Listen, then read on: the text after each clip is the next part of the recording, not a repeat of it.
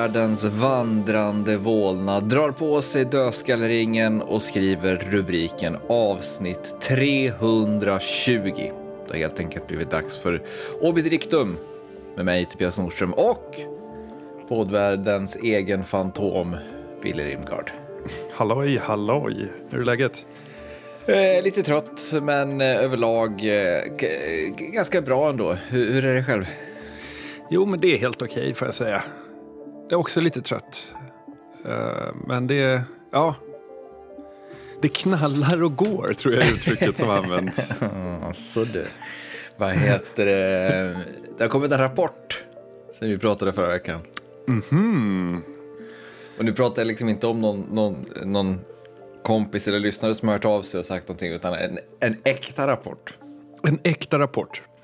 Du eh, berättade ju i förra avsnittet om Hans Niemann.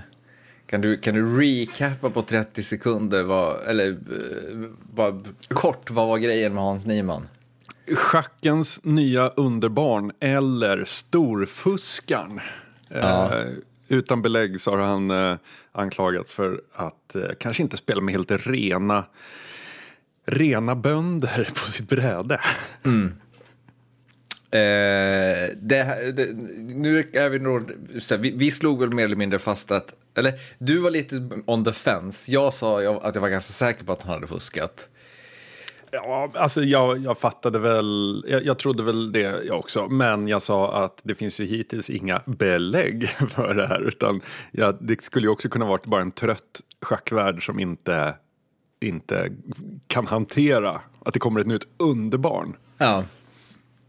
Eh, nu då så har det kommit en, en rapport från den ansedda sajten chess.com. Det, det, det är ju härligt på något sätt att de har chess.com. Alltså det, inga, det, det känns... Eh, det känns schackigt på något sätt eh, att de har chess.com. Det är raka rör. Eh, det, det är de sidor som har 90 miljoner spelare, proffsamatörer och massa grejer. Eh, de har släppt en 72-sidig rapport om Niemans spel på den här sajten då, där de har kartlagt och sett hur han har spelat eh, över åren och de har slagit fast att 19-åringen troligen har fuskat i 112 partier. Och det här gäller ju då inte bara hobbymatcher hemma på kammaren, eller ja, alla matcherna är ju hemma på kammaren, men det gäller inte bara hobbymatcher utan även då eh, matcher där det har eh, ja, stått pengar på spel.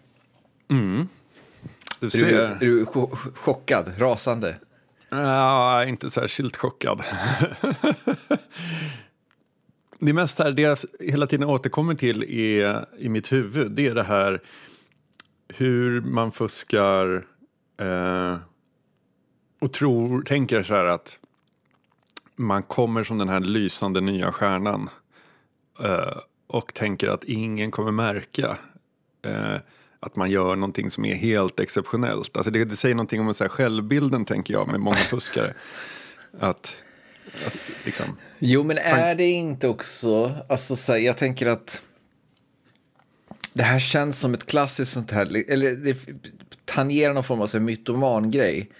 Att jag skulle tro att åtminstone vissa fuskare eh, känner att de liksom inte fuskar trots att de obviously fuskar liksom.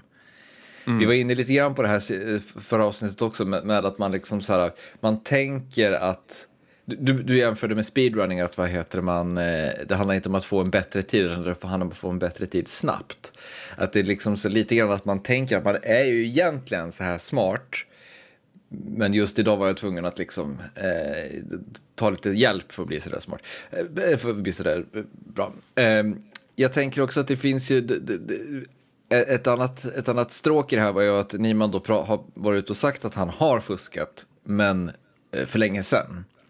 Men eh, en viktig detalj då är att den här rapporten från chess.com visar att han eh, verkar ha fuskat så sent som i augusti förra året. Nej, förlåt, augusti 2020. Eh, så att eh, vi vet sen, efter det, efter det är det mer höljt i dunkel. Men en annan sak som eh, uppdagades då i kölvattnen på det här var ju att eh, det norska schackförbundets nyvalde ordförande Joakim Nilsen också gick ut och erkände att han har fuskat. ja. Ja, och det här är ju då lite intressant, för grejen är då så här att eh, Niman spelar, eh, spelade, ska sägas, för ett schack schacklag. Ett norskt schacklag som heter Norway Gnomes, alltså Gnomes, eh, vilket känns väldigt norskt på något sätt. Känns det, mycket, känns det väldigt norskt eller väldigt schackskt att det heter Norway Gnomes? Jag skulle säga lite av båda kanske. ja, verkligen. Det är det bästa av båda världar. Ja. Men och det intressanta här är då att eh, Joakim Nilsson då som nu är eh, Norska Schackförbundets ordförande, han ha, har då också gått ut och berättat att han fuskade under tiden han spelade i eh, Norway Gnomes det var säsongen 2016-2017. Ligger en hund begraven? Ligger en, en, en trädgårdstomte begraven här? Jag berättade ju eh, för, det är nog ett år sedan nu, kanske ett och ett halvt, kanske mer. Nej, det är nog ett och ett halvt år sedan. Om en fuskskandal i Trackmania där man började titta på gamla repriser och analysera dem med nya skript för att se att folk hade kört banorna med alltså på 30 procents hastighet. Så man kunde titta liksom hur frekvent olika inputs kom och om det var humanly possible och sånt. Vilket man inte kunde på, då. då. Um, och jag tänker att det är ungefär som när man analyserar gamla blodpåsar med ny epoteknik eller någonting sånt där. Mm. Uh, det kanske är det här chess.com när de börjar köra rapporter då har kört en analys av uh, Niemans matcher, då kanske det är folk som det porlar små svettpärlor i pannan på för de inser att jag gjorde ju också det här. Eh, så att man, man kanske går ut och erkänner en sån här sak för att föregå då någon slags bredare batchkörning av alla matcher för att se vart fusken fanns. För jag antar att de utgick från det där vi pratade om sist, om de optimala dragen, den procentuella mm, mm. chansen att göra optimala drag. Um, så då tänker jag att det kanske finns en och annan som kommer göra det för att sen kunna säga ja, ja, men det här har jag ju erkänt när det dyker upp. Ja, och det känns ju liksom inte som att, Alltså, alltså det känns som att de senaste åren eh, med liksom pandemin och annat har, har gjort också att eh, jag, gissar såklart att jag har dålig insyn i schackvärlden tyvärr, men, men jag gissar att de senaste 20 åren har liksom sett en gigantisk utveckling för online-schack överlag. Eh, och jag gissar också lite naivt att det såklart finns liksom Eh, massa eh, tabun och kontroller mot fusk, men att det kanske liksom inte är på samma nivå som exempelvis inom e-sport, om vi tar en annan grej där man tävlar, komp kör, spelar kompetitivt online, där det liksom finns eh, ja, men, anti-cheat mjukvara som körs på liksom processorkärnans nivå för att vad heter det, se till att mm det absolut inte körs någon olaglig programvara. Jag tror liksom inte att schack, schacken, schackprogrammen är på den nivån, eh, säger min fördom mig. Eh, så jag tror precis som du, alltså det, det, är många, jag tror att det är många som har liksom opportunt de senaste tio åren eh, gjort sig ett namn i schackvärlden för att de har liksom suttit hemma och kört massa mjukvara och, och varit halv okej på schack. Liksom. Mm. Säkert. Det kanske är schack som man borde... Alltså, eh, ja, det är ju så här. Jag har ju eh, de senaste åren ett förfärligt track record när det kommer till hobbys.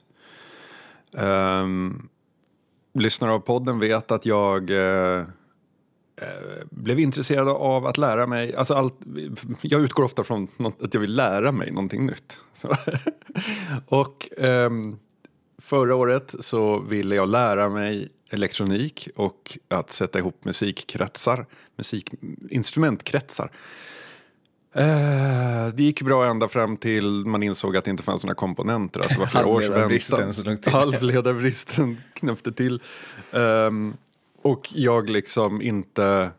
Alltså det, i mitt intresse stendog ju när jag insåg att jag fick, skulle vänta åtta månader på en liten jävla eh, bit av, inte plast, men typ. Uh, kisel. kisel, precis. Ja, men för det, det, det här, så fort man skulle omsätta från teori till praktik så var det det kört. Och då, då, liksom, ja, då, då tappade jag stinget. Vad jag istället gjorde, det här har jag inte pratat så mycket om i, i podden. Vad jag istället gjorde var ju att ta fram massa gammal kurslitteratur och gå ganska hårt in på att bruscha upp min ryska. Men då invaderade Ryssland Ukraina och då kändes det inte ryska. Fast det var å andra sidan ett gyllene tillfälle att brush up on the Russian, eller? Fast jag vet inte. Alltså det kändes ju o, alltså, jättekul att sitta och liksom läsa om ord och liksom deras ursprung i kulturen och så vidare när eh, det landet håller på att bomba civila som in i ett jävla köpcentrum. Alltså du vet, det är väldigt svårt att sympatisera med Ryssland. Jo, jo just alltså, så här. Man, jag gillar Ryssland som en sovande jätte. ja, men jag tänker så här, du, det är å andra sidan ett gyllene tillfälle att kunna, du vet, sitta och, och, vad heter det, lyssna på kapade radio, radiokommunikation bland ryska soldater och sånt där för, och, och, få lite mer insyn, eller? Förstå kriget lite mer. Jo, men som sagt, jag tror att man, alltså... Du vill, ha glädje, du vill välja glädjen här. Du, ja, jag kände så jävla, alltså... Alltså varför ska jag prata med dem? Stäng ut dem från världssamfundet. okay. Nej men alltså det, jag vet inte, jag tappar stingen totalt. Nej, jag förstår. Men och sen det senaste haveriet i raden det är ju då mitt Trackmania-spelande där jag har lagt stor, stor, liksom, eh, stort allvar och ti mycket tid på att förstå och eh, begripa underlaget is och sen förra veckan så släpptes en, en patch som gör om is och i princip förstör is. Eh, vilket gör att hela is-communityt är uppgivet. Det är flera som bara slutat spela typ. och så, så är det jättedeppigt. Det var så god community där några månader. Det var det bästa stället jag hade varit på. Och sen så bara, nu är det så mörkt. Så mörkt är det. Så det Men... kanske är schack som är en... Liksom... är, det, är det nästa, nästa eh, hobby du ska förstöra för alla andra? Exakt. Om det är du som är cursed, tänker jag. Ja. Men vad heter det, alltså är det inte så att, alltså så här, för det första tänker jag, är, är schack så attraktivt som hobby? Alltså grejen är så här, jag vet ju hur dålig jag är på det. Jag har, jag har spelat, jag spelade på, i Hägerstensåsens eh, eh, medborgarhus eh, när jag var liten. Gick jag på klubb där. Men shit, jag är så dålig. Jag är så kass. Kanske uh. vi lägger ribban lite lägre. Luffarschack blir det nya. nya uh, nej, men jag, jag, tänk, jag, tänker också, det problemet med, med schack är att det liksom är så här, det är för, för lite storytelling. När man hör om schack så är det ju liksom de intressanta berättelserna om de, som, som det här fallet med, fusk, med Niemann-fusket nu och så vidare. Men problemet är ju att för dem, om man ska ge, vada ut i schackvattnet så är det ju mycket mer att sitta och läsa eh, liksom kartor över olika partier. Alltså du vet mm. bara så här sifferkombinationer, R9, B, till liksom, och så bara försöka liksom visualisera i huvudet hur den här matchen liksom har spelat ut sig. Eh, och sen är liksom på något sätt tänka det första målet är att nå punkten där man kan titta på en sån karta och bara wow, här händer det någonting. Eh, och det känns som en brant, brant backe dit. Man vill sätta sig ner med sitt morgonkaffe, slå upp Dagens Nyheter och ta sig an dagens schackproblem. Ja. Finns de kvar i tidningarna? Kan, inte jag kan aldrig tänka mig det. Men, Men, det känns som att det finns ett stort online-community å andra sidan. Ja, men det är därför som jag så här gillade Magic the Gathering därför att det är ju väldigt mycket, alltså det är ju lite samma tankesätt som schack. Att så här, sequencing är skitviktigt, du ska göra din grej men ändå måste du förhålla dig till vad den andra gör och så vidare. Men på Magic-korten så har du stora drakar som rullar in och förstör alla andra kort. Och göra, alltså det, det, man får saker att explodera och man får eh, dra en miljard kort om man spelar liksom, sakerna rätt. Och så, vilket gör att all sån där sequencing och sånt, eftersom jag är så dålig på det så behöver jag inte tänka på det utan jag får ut min kick bara av att pop-off och sen om jag förlorar i nästa runda so be it, jag gjorde min grej. Mm. Jo, men jag, för, jag förstår precis vad du menar. Eh, det vore kul om det fanns mer sånt i schack. Mer sånt när jag, aktiver, när jag har ställt mina bitar i precis rätt läge. Då, sig, det är väl sånt som finns i schack, bara att man, in, man är för dum för, för att se det på något sätt. Ja, fast jag, vet, jag kan inte se att bönderna har några activated abilities. Som man kan. det kanske finns ja. en crossover-potential. Vi får se. Kanske. Eh, det blir nästa dödsdömda projekt att skapa liksom, ett schack med eh, en meta. Ja, varför inte? Eh, så att man kunde balansera om. Nu får bonden gå tre steg och sånt där. Är, kul att se vad som händer. Eh, jag nämnde storytelling lite där. Jag tänkte att jag ska plocka upp den bollen igen lite grann. Eh, för några, någon månad sedan ungefär, ganska precis en månad sedan, så pratade vi lite om det stora nördslaget i tv-världen som, som stod för dörren och som nu är över oss. Eh, vi fokuserade då på eh, vad heter det, lite Netflix-serier eh, och även två stycken eh, storserier som är mitt i sin run som jag har tittat på de senaste två veckorna. Nämligen House of the Dragon och Andor kommer inte spoila de här två serierna här. Har du, har du sett något av dem? Ja, House of the Dragon följer jag. Ja, kul. Eh, och jag skulle vilja haka i en sak jag pratade om både för en vecka sedan, eller för eh, två veckor sedan, och en sak som vi pratade om i vintras. För en sak som slår mig när jag tittar på både Andor och House of the Dragon är att det där jag efterlyste för förra avsnittet med eh, den stora berättelsen. Eh, det är någonting som de här serierna är totalt ointresserade av. de kan på många vis kanske liksom så här, utger sig för att här någonstans i den här världen finns den stora berättelsen. Men vi skiter fullständigt i den. eh, och en sak vi pratade om i vintras när jag hade kollat på eh, Beatles, Peter Jacksons Beatles-dokumentär, den, den där nio timmar långa eh, dokumentären om, om inspelningen av Beatles sista album. Peter, eh, Peter, Jackson, han är intresserad av den stora berättelsen. Ah, han är intresserad av den stora berättelsen, men kommer du ihåg då att då, då i och med den dokumentären så utnämnde jag storytellingens död. Ja. För att då det Peter Jackson gjorde var att istället för att sammanställa en berättelse ur de här massa, massa timmarna av eh, tidigare osläppt Beatles-material. Så liksom klippte han bara ihop nio timmar och så fick vi själva sitta där och bara liksom, vad ska man säga, gräva bland fragmenten. Liksom. Mm. Och jag tänker ganska mycket att det är det som även sker i Andrew House of the Dragon. Att det här är liksom Visst, det finns ju handling i de här tv-serierna, men de är liksom inte intresserade av så mycket vad är den här berättelsen på, på väg? Vad handlar den här berättelsen om? Vad är, vad är liksom så här, eh, vad heter vad, vad, är grejen här? Eh, det är liksom så här, om vi jämför då, jag kom in på det här när jag, när jag läste, började läsa Moby Dick för avsnittet. Och att liksom Moby Dick börjar med liksom uppdraget, jag ska ut och döda en val. Eh, man man liksom så har direkt på ett ganska tydligt anslag att så här, det är dit vi är på väg. Anslaget i Andor och House of Dragon är liksom helt irrelevant. House of Dragon då är väldigt mycket en...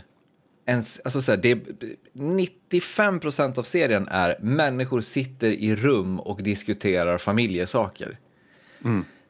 Andor mm inleds där första scenen är, så det är ingen, ingen spoiler, eh, inleds förvisso med ett mord, men är sen ganska liksom så här ointresserad av, den är intresserad av relationerna mellan huvudpersonerna i serien, inte så mycket av hur det går med det här mordet egentligen. Och framförallt då vad de här relationerna speglar i den här eh, världen, så att säga.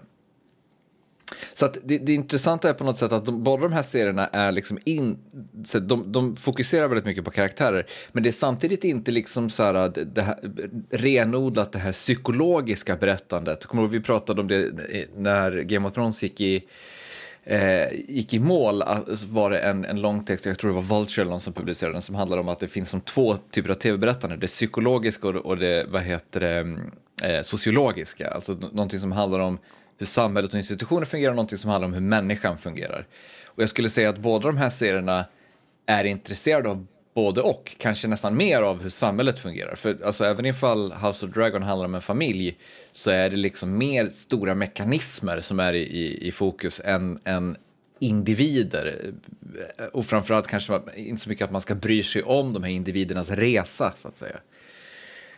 Um, så, så här, jag, det, jag vet inte vad jag ska landa här utan att typ bara låta självgod, men fick, fick vi rätt? Är storytellingen död, tror du? Men vet du vad det, jag tycker det kan påminna om lite i, så här, i fallet House of the Dragon? För det är ju ändå så här, det är ändå en serie som i teorin har tillgång till den stora berättelsen. För den liksom utspelar sig ändå på hovet of the seven kingdoms i en eh, väldigt viktig tid av historien har vi ju förstått, eh, vi som har sett Game of Thrones.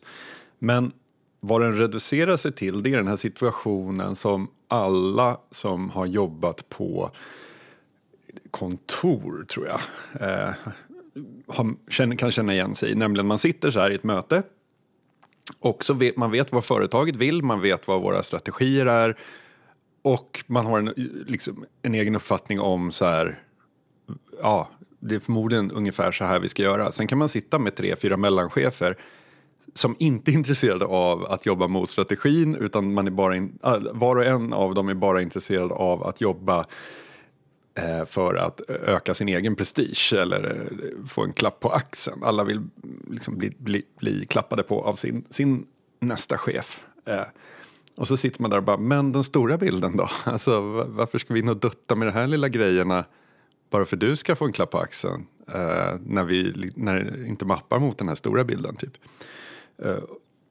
och det är väl det som många av de här led, lider av, att man eh, man kan ha ett, en liten skandal eller ett, ett litet drama eh, som sker i någon slags vakuum som inte får någon påverkan på den stora eh, berättelsen. Sen när man väl ska göra, jag ska försöka inte spoila här, men när House of the Dragon ska försöka göra någonting, berätta någonting stort, så tycker jag att man tappar bort det för att man liksom stressar igenom vad som normalt sett skulle ta en säsong stressar man igenom på ett avsnitt och bara ah, nu händer allt det här eh, för att på något sätt kompensera över alla de här pratscenerna.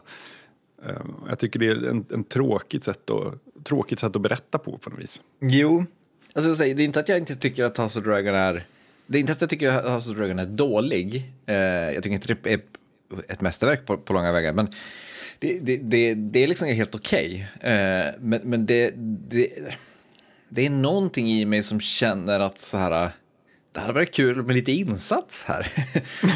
eh, alltså det jag tänker är liksom att eh, Game of Thrones var ju liksom också på många vis en serie om politik och liksom eh, hur man manövrerar olika saker. Eh, men du hade liksom alltid så här hotet från The White Walkers. Du har liksom en öppningsscen i hela serien som är eh, att man på något sätt ser The White Walkers vakna. Eh, och så vet du att det där hotet, det hänger över oss hela tiden. Eh, och det, det, det, så här, det är ju ganska eh, tacksamt som en dramaturgisk grej att så, veta att så här, det, det, finns någonting här. Va, det ska dödas en val. Eh, så att jag vet, eh, så här, jag, det, är inte att jag, det är inte att jag känner att så här, det, någonting är förstört här, men för jag, för jag, jag, jag är liksom så här, jag är väldigt nyfiken på att se var stor, den här eran av storytellingens död tar oss. Eh, men det måste, man måste hitta ett sätt att göra det intressant, övergripande intressant så att säga. Man må, jag, jag, vet inte, jag vill ändå att det ska finnas någon typ av insats i, när jag tittar på en tv-serie eller läser en bok, eh, känner jag. Det är lite kul så här att ena sidan av myntet är att dramaserier då har gett upp i, din, i, din, uh, i ditt narrativ uh, kring storytellingens död så har de liksom släppt den stora historien och man bara liksom matar på med någon slags 3 av 5 innehåll för att få tiden att gå. Så. Men på andra sidan av myntet där har vi ju reality-serierna. Eh, jag har ju sett rätt mycket reality-serier i år. Uh, allt ifrån feelgood som Below Deck via klassiker som Gold Rush och Deadliest Catch till eh, en del nya. Det fanns någon, eh, någon serie om eh, piratguld på någon arktisk ö som finns på Netflix. Oak Island, mysig. rullar den på eller? Oh ja, oh ja, Oak Island. Men det är ju en, eh, det, det, det, det är en sån staple vid det här laget att jag inte ens behövde nämna den. Har de hittat Eh. någonting på Oak Island? Eller? Igår sådär va. Ja, okay. um, ehm, men grejen är att alla de här, fast jag skulle säga Oak Island är nog undantaget till det jag ska säga nu ändå, men alla de här de får ju liksom anstränga sig med väldigt kreativ klippning och eh, få ihop ett sammanhängande story i eh, i- man, man märker ju när saker och ting är tillrättalagda. Eh, exempelvis var jag jättepepp när sig Hansen, en av de legendariska kaptenerna i uh, Deadliest Catch. De, det är ju fiskeförbud i Alaska nu så han åker tillbaka till sina eh, familjers rötter i Norge och ska fiska krabba där. Jättebra upplägg för en show tycker jag men sen väl på plats så är det så mycket som är riggat. Alltså det, är- det är liksom så här, det är verkligen, han följer liksom en snitslad bana uh, där, ja, ja jag vet inte, det, det, det känns bara så här någon hade ställt upp alla pjäserna och sen så kom han dit och flyttade på dem och sen så. Så, så att den, den hö- höll tyvärr inte. Eh, men där är ju liksom storytellingen uppfunnen från någonting som inte finns. Men det där är intressant på något sätt att liksom så här realityn blir storytellingens sista utpost medan då berättelsen, eller vad vi ska kalla den, fi- fiktionen mer antar liksom, vad heter det, antar bilden av någon slags dokumentärt berättande. Alltså det, det, det. det är mer en fluga på väggen som är med när, när historien sker eh, snarare än, än liksom någonting som följer det, där stora. Men sen tror jag också att det, det finns en, en lite tråkigare aspekt av det här som också som handlar lite om att Andor och House of the Dragon är ju berättelser som utspelar sig i skuggan av den stora berättelsen. Alltså det blir ju, vi, riskerar ju att hamna här när allt vi får är prequels och spinoffer. För alla de sakerna är ju avknoppningar av den stora berättelsen som en gång liksom trollband en, en publik. Eh, för, för en sak som jag tycker känns eh, tydlig, framför allt med House of the Dragon, är ju att om man inte har, om man inte har någon relation till Game of Thrones så är det här helt irrelevant. Faktiskt, det måste det vara. Ja, för det, det, 90 procent av tiden så sitter jag, eller 90 procent, men stor del av tiden, de personer som dyker upp och de efternamn som sägs, de försöker, vänta nu, vänta nu, vad gjorde hon där och vad, vad, vem var han där? Och som försöker placera in det i någon slags Game of Thrones kontext, att man här snarare får det här som en em, förklaring till varför det blev som det blev sen på något vis. Ja men exakt, alltså så här, du, du har inte, alltså så här, att det finns massa Aegon, eh, vad heter det, Targaryen är ju liksom helt oväsentligt om du inte vet vad som händer i Game of Thrones så att säga. Det är Ja. intressant, för jag har läst en, jag läste en bok som heter The Luminous Dead av eh, Caitlin Starling. En bok som verkligen inte är intresserad av den stora berättelsen. Nej. Men alltså så här, upplägget är att du har en person som, hon är nere och jobbar i en eh, i en gruva, alltså eh, en expedition som pågår flera veckor eh, inuti någon slags exoskeleton eh, som förser henne med mat, eh, flytande mat och liksom kan ge medicinska stimulans och sådana saker. Djupt, djupt nere i ett stort eh, cave-system. Hon är där och prospektar efter mineraler och annat. Ehm, och eh, saker går inte riktigt som det är tänkt. Men det är liksom en slags, det är som en inverterad bergsbestigning för de, de har liksom Camp 1, Camp 2, Camp 3 och så vidare. Djupt, djupt, djupt ner i det här berget. Uh, och hennes enda liksom länk med omvärlden är hennes radiolink till, uh, till Basecamp där det sitter en som vi bara känner som M. Och hon ja, det är nästan som det här, vad heter, heter spelet Firewatch? Va? När man går med en walkie-talkie och det är någon mystisk röst man pratar med då och då. Eh, M är, det är väldigt oklart vad M pysslar med och hur god om M är verkligen på vår, vår hjältinnas sida och så vidare. Men det, det speciella med den här boken är ju då att den helt och hållet utspelar sig i dialogen mellan de här två.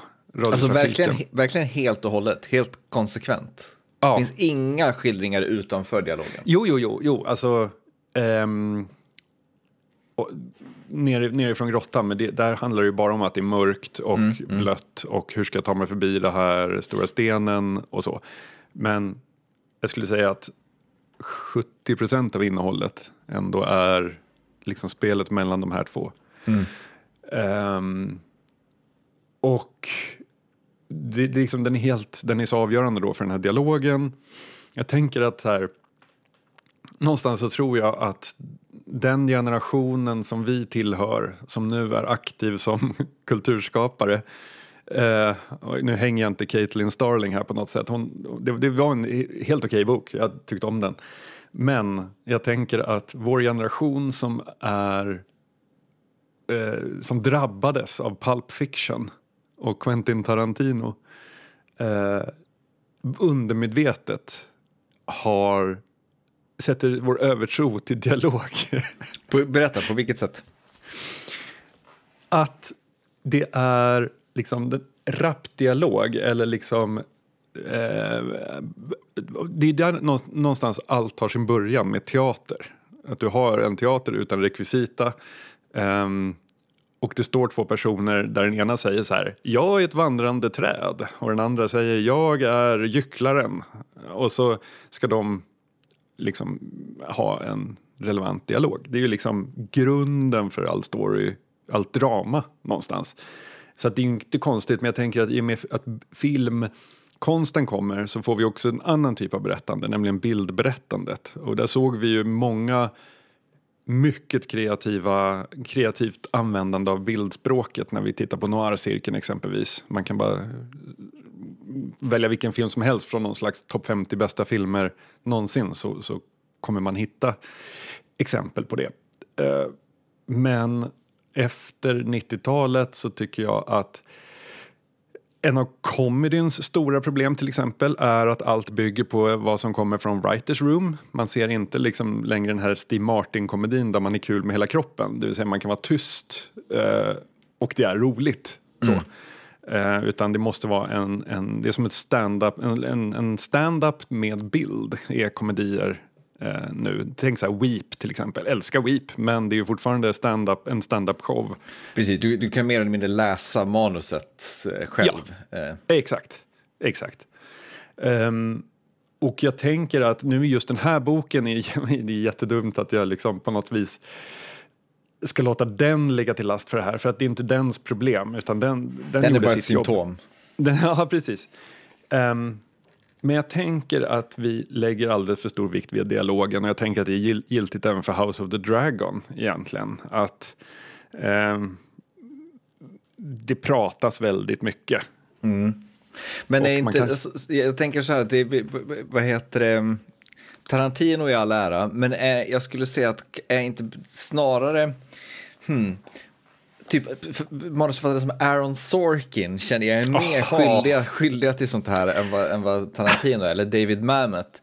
Alltså så här, just att, för, för grejen med Tarantino är ju på något sätt att det han, han det hans grej med dialog är ju att dialog, det, alltså det som är skickligt med hans dialog är ju liksom inte att förmedla vad karaktärer känner.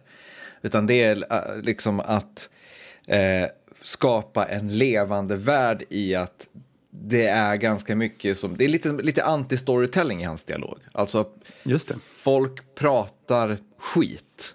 Folk pratar om oväsentliga saker. Folk sitter och liksom under andra världskriget sitter liksom nazisterna i en källare och dricker öl och, och leker sällskaps, spelar sällskapsspel. Liksom.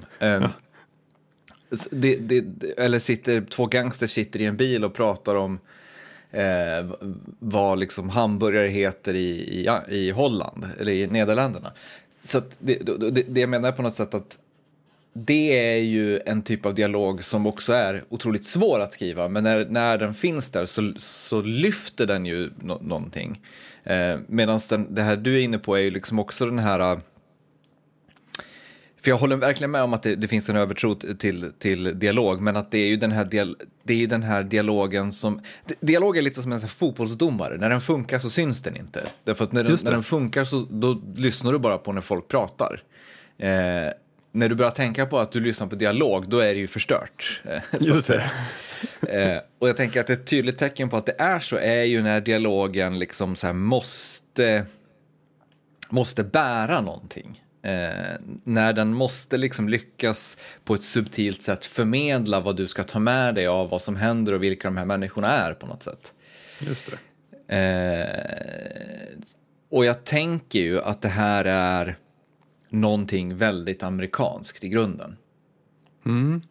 Framförallt om vi pratar liksom så här, eh, om, om det, det, vi ser i film och, och, och i, i tv-serier. Att så här, det finns inom amerikansk underhållning ofta ganska lite tilltro till publiken.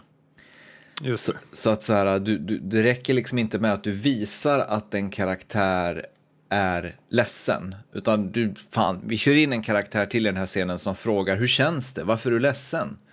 Eh, så att så alla verkligen fattar vad, vad, vad det är som händer här. Liksom. Ja. Eh, och det tänker jag liksom ett, ett, ett, det som är, blir symptomatiskt på, på den här övertron till, till dialogen, att man tänker att dialogen får förklara allt. Eh, och då, då, då, blir det ju inte så bra till slut på något, på något vis. Nej. Nej, men det stämmer nog att, att, att det är så. Men du, du tänker att i någon slags... Eh, men är det bara liksom... Eh, jag tänker att det är lätt att gå här till att man blir någon slags finkulturvurmare som säger att man måste våga ha pauser och sånt. Men så tänker jag på en film som Drive till exempel där dialogen absolut inte behövs. Det funkar utmärkt med att ha en snubbe som bara sitter i en bil uh, och har lite Kavinsky till. Mm. Mm. så blir det bra, alltså det blir spännande, han behöver inte säga någonting. Så. Jo, men det är också det, jag tänker att så här, om vi tänker att dialog är svårt att skriva bra så är det ju också jättesvårt att visa dig allting du behöver se på ett bra sätt utan att någon också berättar och förtydligar vad det är som händer. Eh, för jag menar, om det är någonting, liksom, om, om man tänker sig någonting bred underhållning inte vill ha så är det ju liksom ambivalens. Just det. Och, och, jag tänker att problemet när, när du bara ska liksom titta på vad som händer, det är ju att, vad heter det, det finns ju en risk att du tittar på lite fel ställe. Du fokuserar på lite fel sak. Du kollar på någonting som sker i bakgrunden eller du, du, kameran har liksom fångat någonting som du ser men som kanske inte riktigt var vad regissören tänkte att du skulle titta på. Men mm. med, med dialogen så får du ju facit. Såg du det där? säger en karaktär och så vet du, ah, det var det jag skulle se. Mm. Eh, men ja, eh, och här, här tänker jag liksom att en sån sak som skräckfilm är ett jättekul exempel, eller en jättekul liksom, genre. Just för att skräckfilm helt och hållet liksom bygger på att inte berätta för mycket. Eh, mm. Utan det är just att du ska titta på, på saker. Eh, därför att om du ser ett monster i mörkret, du ser, anar konturen av ett monster i mörkret, då är det ganska läskigt. Men så fort en karaktär säger “ser du monstret i mörkret?” då dör det ju liksom. Eh, Just det. För din osäkerhet på är det ett monster, vad är det där i mörkret? Det är ju det som är obehagligt på något vis. Eh, eh så jag, jag, tänker att det, det, jag tror att det är därför också liksom så här, just skräckfilm är en sån genre som liksom USA, amerikaner eh, ofta är, ganska bra på, eller har varit i alla fall de senaste tio åren, för att där tvingas de ha mindre dialog på något sätt. Jag ska i alla fall gå tillbaka nu och läsa någon, eh, jag kommer ihåg när jag hade mitt race för ett par år sedan med zombie, zombie-litteratur, att det var ganska många böcker där det bara finns en person. Mm. Så han, han eller hon har ingen att prata med. Ganska sugen på det nu. jo, Absolut, men också så här, det är ju ganska, som jag läser i Moby Dick nu, eh, det är ganska drygt med bara gestaltning också. Alltså bara liksom 30 sidor beskrivning av saker det är ju inte heller super, superkul. Nej. Nej, kanske inte. Man får tvätta sig. Ja. Ja, vi har läst lite till den här gången också som är inte bara gruv, gruvdrift utan även eh, någon slags eh, utopidrift. Mm. Kanske betoning på no något slags, eller? Ja. Jag tycker inte att den här utopicirkeln riktigt blev vad vi eh, ville att den skulle vara. Nej, eh, vi, vi, den här gången har vi alltså, alltså läst Johnny Appledrome vs. The FAA av eh, Lee Constantino. Man kan väl säga, super, ska, vi dra, ska vi ta superkort novellen bara, den var inte jättelång. Ja, superkort kan man säga så här, om man tänker no en novell från William Gibsons Burning Chrome satt i den värsta wired-hysterin om drönare. Då får man exakt vad det här är. Ja, man kan väl säga att det här är liksom någon slags framtida USA som är lite mer totalitärt än vad USA var för 15 år sedan. Också kanske lite mer totalitärt än vad USA är idag. Och ehm, eh, vad heter det? Det, det, det, är tydligt att den liksom digitala övervakningen har expanderat som människor och i kölvattnen på det så har en rörelse av eh, drönarpirater vuxit fram som skapar ett, ett, alternativt internet genom att massa drönare flyger runt, runt om eh, USA och kopplar ihop sig i ett nätverk som man då eh, kan surfa på. Och i eh, kärnan för det här nätverket finns en figur då som heter Johnny Appledrone som är någon slags, ja, vad ska man säga, det, det, det, det, det, är, det är liksom så här, det här är ju den här entreprenörsdrömmen som den såg ut, alltså att det, det finns, Julian Assange nämns som att de har en staty på Julian Assange i den här eh, novellen. Jag tänker att det är liksom lite talande för vad man tänkte att de här digitala gurusarna skulle bli. Eh, för, för, tio år sedan. Mm. Ja, och på något sätt så känns det som att så här, vi är tillbaka till en bild där det här, alltså Johnny Appledrone är ju som Woody Guthrie, bara det att han har en folkabuss med drones istället för en gitarr på något vis. Det, det, det är fortfarande den här drömmen om att bara åka runt i godsvagnar med en gitarr på ryggen och vara ett hot mot, mot systemet. Eh, så, fast nu som någon, i någon slags tech, tech-variant. Jag kan bara tänka i mitt huvud nu att, att det är musiken Drones han åker runt och gör som går ah, istället. Det, det vore något. Ja. Det vore något. Um, och grejen är att jag tycker att den där bilden av revolutionen är lite förlegad. För att vi har ju sett att vi har sett många exempel på det där och vi har sett alla exempel eh, krascha. Glorious katastrof och eh, eh, förnedring. Så jag tänker att så här, för av en utopi så skulle jag vilja ha eh, någonting som man inte ser komma. Alltså så här, jag vill inte ha teknikens världs katalog. Där finns, mm. I den finns inte lösningen. Utan lösningen finns... Jag tycker den absolut mest intressanta vi har, har läst hittills är den som handlade om att skapa eh, literacy mm. eh, i världen. Läs, att öka läskunnigheten över en natt, typ. Verkligen. Det skulle ge den största effekten. Eh, det, är liksom så, det var så otroligt mycket starkare och en så mycket med, mindre klichéartad eh, lösning på problemet. Mm. än tanken på en snubbe med en folkabuss som är grym på att snickra drönare som bygger ett eget internet. Ja, för det är liksom lite också så här, det, det, jag kan uppskatta med den här novellen är ju ambivalensen runt Johnny Appledrome. Alltså att mm. han är både någon slags folkhjälte men också ganska osympatisk. Alltså det är inte som att man liksom så här håller på Johnny Appledrome. Jag tror inte att eh, Lee Konstantin, alltså författaren, heller håller på Johnny Appledrome. Jag tror inte att, eh, vad heter det, Lee tänker att Johnny Appledrome är liksom det är framtiden. Det, är, det, är, så det, kanske, eh, det kanske det kanske han är, men, men det är inte det här som är liksom eh, rättesnöret eller det vi ska sträva mot på något vis. Eh, och det, det, det, alltså, för det är också lite så här, fan, jag har känt som med de tre senaste nu, eh, att så här, de blir så mycket tidsdokument de här novellerna att jag tänker så här, är det här, för, för författarna, är det här en utopi?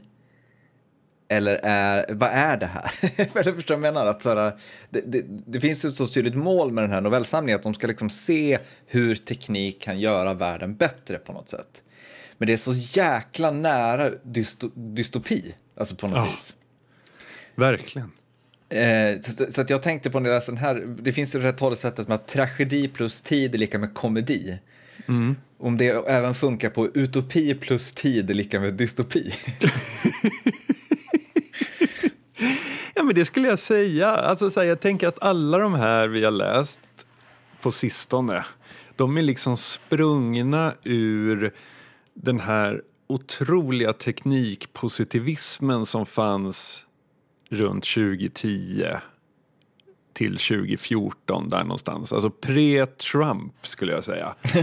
ja.